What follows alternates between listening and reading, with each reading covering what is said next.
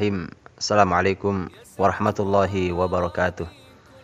Mitra Muslim yang dimuliakan Allah Subhanahu wa taala. Kita akan belajar pada kesempatan kali ini tentang sebuah pembukaan tentang sirah nabawiyah yang berbicara tentang peta usia Nabi Shallallahu alaihi wasallam.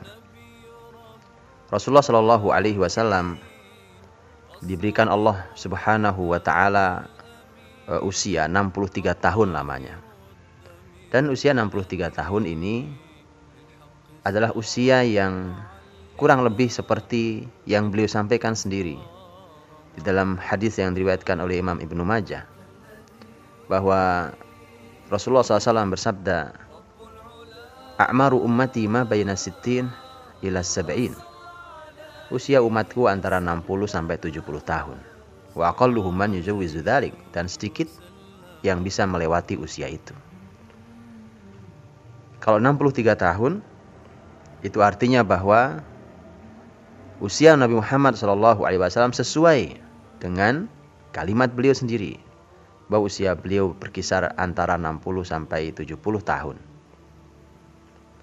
Dan ternyata begitu kita lihat Abu Bakar As-Siddiq radhiyallahu anhu sahabat mulia, sahabat Nabi Shallallahu Alaihi Wasallam nomor satu dan khalifah pertama bagi muslimin. Juga meninggal di usia 63 tahun. Juga ada pelajaran yang harus diambil mengapa Allah Subhanahu wa taala pun mewafatkan khalifah adil setelahnya. Umar bin Khattab radhiyallahu anhu juga di usia 63 tahun.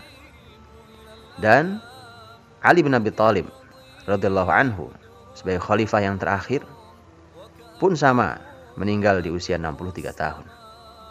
Hanya Utsman bin Affan yang usianya lebih dari 63 tahun, yaitu mencapai usia kurang lebih 80 tahun. Dari lima manusia terbaik itu saja, ternyata hanya satu, yaitu Utsman bin Affan radhiyallahu anhu yang usianya lebih dari 70 tahun. Dan inilah yang sebenarnya menarik buat kita adalah bahwa usia-usia itu dipenuhi dengan dua hal, yaitu persiapan dan karya. Sekali lagi, persiapan dan karya. Seseorang harus menyiapkan dirinya sampai dia untuk dia bisa menghasilkan karya-karya besar. Dan bagaimana seseorang bisa berkarya kalau dia tidak menyiapkan diri dengan sebaik-baiknya? Mari kita buatkan sebuah ilustrasi kalau kita mengamati umpamanya salah seorang anak kita punya bakat menjadi seorang arsitek umpamanya atau seorang ahli ekonomi atau seorang pebisnis dan dari kecil kita bisa mengamatinya. Begitu kita mengamatinya, kemudian kita tetapkan anak ini memang punya kecenderungan dan bakat ke sebuah ilmu tertentu atau sebuah bidang tertentu, kita akan siapkan. Kalau anak itu kita pandang memiliki kemampuan sebagai seorang arsitek umpamanya kita siapkan sekarang mulai sekarang sudah kita akrabkan dia dengan buku-buku arsitektur berbagai zaman. Kemudian kita buatkan perpustakaan di rumah kita tentang arsitektur. Kemudian bisa jadi kita ajak dia untuk mengamati gedung-gedung yang indah itu atau kemudian mulai kita dekatkan dengan e, menggambar dan seterusnya. Persiapan-persiapan sampai nanti dia benar-benar mengambil uh, jurusan arsitektur. Padahal hanya disiapkan menjadi arsitek, disiapkan menjadi ekonom, jadi seorang pebisnis, hanya disiapkan sebagai seorang dokter. Tugas terbesar di muka bumi ini adalah menjadi nabi, menjadi rasul. Dia tidak hanya mengurusi satu ilmu, dia tidak hanya mengurusi satu wilayah bahkan. Rasulullah Muhammad SAW diutus untuk seluruh alam. Maka inilah tugas terberat sebagaimana ketika Nabi Shallallahu alaihi wasallam ditanya oleh para sahabatnya, "Ayun nasi asyaddu bala'an ya Rasulullah?" Siapa manusia yang paling berat cobaannya Rasulullah? Rasul menjawab, "Al-anbiya, thummal amsal fal amsal." Para nabi. Kemudian orang yang seperti para nabi, yang perjuangannya seperti para nabi dan begitulah seterusnya. Mitra muslim yang dirahmati Allah.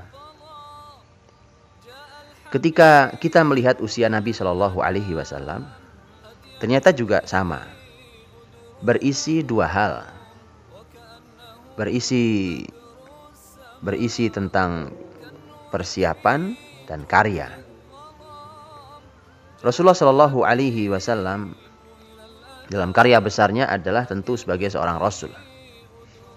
Dan Rasulullah SAW menjadi Rasul kurang dari 23 tahun. Itu berlaku dari usia beliau 40 tahun hingga usia beliau 63 tahun. Kurang dari 23 tahun beliau menjadi Rasul. Tapi ternyata beliau memiliki usia sebelum 23 tahun itu cukup lama yaitu 40 tahun. Usia 0 sampai 40 tahun sebelum menjadi rasul inilah yang bisa kita sebut sebagai usia persiapan. Kalau seorang dokter saja, seorang arsitek saja, seorang pebisnis, ekonom dan yang lainnya memerlukan persiapan yang panjang maka bagaimana dengan seorang calon rasul, manusia terbaik, teladan paling mulia, maka pasti memerlukan persiapan yang tidak sederhana. 40 tahun persiapan seorang calon rasul SAW. Maka dari itu, kalau kita membuka sirah nabawiyah di usia sebelum kenabian, yaitu usia 0 sampai 40 tahun, maka agar sirah nabawiyah dalam untuk kita, bukan hanya sebuah kisah di masa lalu. Maka bacalah ia sebagai sebuah persiapan. Masa atau usia persiapan menjadi orang terbaik di muka bumi. Kita ketika ingin menjadi orang yang baik berkarya besar, mari kita juga menyiapkan diri seperti Nabi Shallallahu Alaihi Wasallam menyiapkan diri karena Nabi sedang Allah siapkan untuk menjadi manusia terbaik. Kalau kita menyiapkan setidaknya mengikuti Nabi, mudah-mudahan kita bisa mendapatkan kebesaran yang sama atau kebesaran yang mirip dengan yang ditunjukkan oleh Nabi Shallallahu Alaihi Wasallam sepanjang hidupnya. Jadi 0 sampai 40, 40 tahun adalah merupakan usia persiapan menjadi rasul. Setiap peristiwa yang terjadi di usia tersebut adalah merupakan cara Allah untuk menyiapkan calon rasul dan calon nabinya. Sebenarnya ini berlaku bagi semua rasul. Kalau kita perhatikan, kita keluar sedikit dalam tema ini supaya kita tahu bahwa begini cara Allah menyiapkan calon orang besar. Nabi Yusuf alaihissalam. Bacalah kisah Yusuf dalam surat Yusuf. Sebelum dia menjadi nabi, sebelum dia menjadi pembesar di Mesir, Lihat bagaimana hidup Yusuf alaihissalam yang penuh dengan persiapan. Bagaimana Yusuf ketika dia uh, mendapatkan iri dari saudara-saudaranya berujung pada dibuangnya Yusuf dalam sumur. Begitu diangkat ternyata dijual ke pasar menjadi budak. Begitu dibeli oleh penguasa Mesir kemudian terfitnah oleh wanita. Masuk dalam penjara dalam fitnah dan seterusnya. Semua itu adalah merupakan persiapan-persiapan, tarbiyah pendidikan yang Allah berikan untuk menyiapkan calon nabi yang bernama Nabiullah Yusuf alaihi salam sekaligus seorang penguasa di Mesir. Kembali pada Rasulullah Muhammad sallallahu alaihi wasallam pun sama. Bacalah dalam kitab-kitab sirah nabawiyah kita akan menjumpai bahwa usia 40 tahun ke bawah adalah usia persiapan itu. Setiap peristiwanya memiliki makna. Setiap kejadian di usia 0 sampai 40 tahun memiliki arti yang harus kita ambil sebagai pelajaran yang mahal bagi persiapan seseorang. Mari kita ambil sebuah contoh dari sepanjang 0 sampai 40 tahun. Ada salah satu buku yang juga menarik tentang bab ini dan uh, ini hanya salah satu saja dari kitab-kitab sirah nabawiyah. Ada buku uh, yang berjudul Khawatir wa Ta'ammulat fi Siratin Nabawiyah. Lintasan-lintasan ide uh, dalam sirah nabawiyah. Ditulis oleh seorang ahli sirah dari Mesir, uh, Dr. Mahmud Muhammad Imarah. Banyak sekali ide-ide menarik yang beliau sampaikan, segar sekali dan untuk kita. Walau ia berbicara tentang Rasulullah Muhammad SAW, tapi itu sangat berharga untuk kita semua. Contohnya adalah ketika Mahmud Muhammad Imarah membahas tentang usia kecil Nabi Shallallahu Alaihi Wasallam bermain dengan anak-anak Mekah atau nanti bermain dengan anak-anak di perkampungan Bani Sa'ad, maka beliau membuat satu judul tulisan di buku tersebut. Judulnya menarik, As-Sabi Yal'ab Wala Yalhu seorang anak kecil yang bermain tapi tidak lalai. Bukankah ini mahal sekali buat kita semua? Dengarkan baik-baik kalimatnya.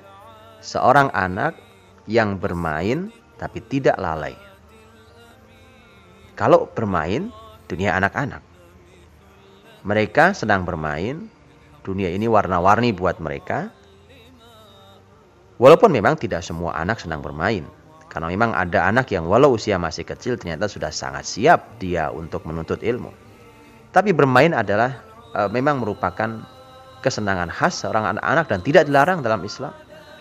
Bahkan Islam memberikan fasilitas itu. Tetapi ada kata berikutnya yang menarik. Seakan ini menjadi sebuah kesimpulan dari permainan jenis apa yang dalam Islam diizinkan. Yaitu kata wala yalhu dan tidak lalai itu artinya bahwa tidak benar mentang-mentang kata bermain bagi anak-anak. Kemudian seluruh hidupnya bermain dengan semua permainan apa saja tidak dibenarkan. Islam sangat selektif, bahkan itu masih dilakukan di usia kecil sekalipun. Kalau permainan itu membahayakan dirinya, permainan itu sia-sia, permainan itu tidak memberikan manfaat bagi kehidupan dunianya, juga kehidupan akhiratnya, maka bermain itu bermain yang sia-sia. Yang diinginkan oleh Islam adalah bermain tetapi tidak lalai. Untuk itulah apa yang dilakukan oleh Nabi Shallallahu Alaihi Wasallam di usia kecilnya adalah permainan yang tidak melalaikan, tapi bermanfaat bagi dirinya. Kita ambil contoh yang lain ketika dalam kehidupan Nabi Shallallahu Alaihi Wasallam. Ini detailnya nanti kita akan pelajari insya Allah ketika kita masuki peristiwa per peristiwa dalam sirah nabawiyah. Yaitu ketika Rasulullah Shallallahu Alaihi Wasallam dia uh, beliau melakukan uh, sebuah pembelajaran yaitu menggembala kambing. Ketika beliau menggembala kambing, maka dalam buku Khawatir wa Ta'amulat fi Nabawiyah ditulis bahwa min ra'yil ghanam ila ri'ayatil umam. Dari menggembala kambing menuju kepemimpinan umat. Apa hubungannya? Menggembala, kambing saat itu adalah merupakan pekerjaan orang-orang miskin. Betul bahwa Nabi Muhammad SAW diasuh oleh Abu Talib yang miskin dan ternyata Nabi SAW mulai berlatih, dia sadar diri bahwa dia bukan anak Abu Talib. Maka kemudian Rasulullah Muhammad SAW saat itu dia mulai menggembala kambing. Di mana kepentingannya sebenarnya adalah untuk mendapatkan sedikit dirham. Tetapi justru di sini pelajarannya. Bukankah tadi sudah kita katakan bahwa 0 sampai 40 adalah cara Allah untuk menyiapkan calon nabinya. Dan lihat bagaimana kesimpulan seorang ahli sejarah dari menggembala kambing menuju kepemimpinan umat. Itu artinya ada hubungan yang sangat kuat antara penggembalaan kambing dengan kepemimpinan umat. Ada pelajaran yang diambil oleh Muhammad Shallallahu Alaihi Wasallam saat menggembala kambing dengan nanti memimpin umat. Contoh, contoh. Rasulullah sendiri yang nanti mengatakan bahwa para penggembala kambing dibandingkan dengan para penggembala unta dan kuda, maka penggembala kambing mendapatkan warisan kelembutan dari kambing. Karena penggembala unta disebut Nabi memiliki sifat kasar. Dan mereka yang akrab dengan kuda bisa cenderung uh, sombong. Tapi kambing itu cenderung lembut. Bukankah Allah Subhanahu wa taala yang memuji dalam Al-Qur'an, "Fabima rahmatin minallahi lintalahum." Karena rahmat Allah lah maka kamu lembut wahai Muhammad pada masyarakat muslimin. Jadi inilah pelajaran yang Allah berikan. Kelak ketika Muhammad SAW jadi pemimpin besar, lembut hatinya. Tidak mudah marah pada umatnya, mudah sekali memaafkannya, mendoakan bahkan dalam dalam sepinya, ini adalah pemimpin yang sangat diharapkan. Tidak memutuskan dengan cara diktator. Bahkan Nabi SAW orang yang paling banyak meminta pendapat dan musyawarah dengan para sahabat dan seterusnya. Maka kepemimpinan beliau salah satu pelajarannya diambil dari pengembala kambing. Dan masih banyak lagi yang lain pelajaran yang didapatkan dari pengembalaan kambing. Tanyakan kepada orang yang ahli pengembalaan kambing hari ini, apa yang bisa didapatkan dari ketika orang berinteraksi banyak dengan kambing. Begitulah seterusnya, usia 0 sampai 40.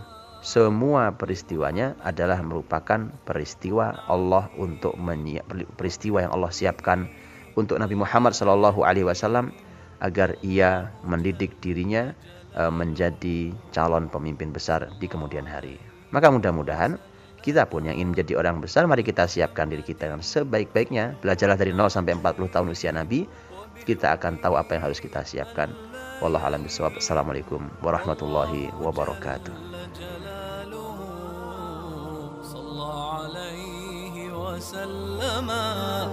صلى عليه وسلم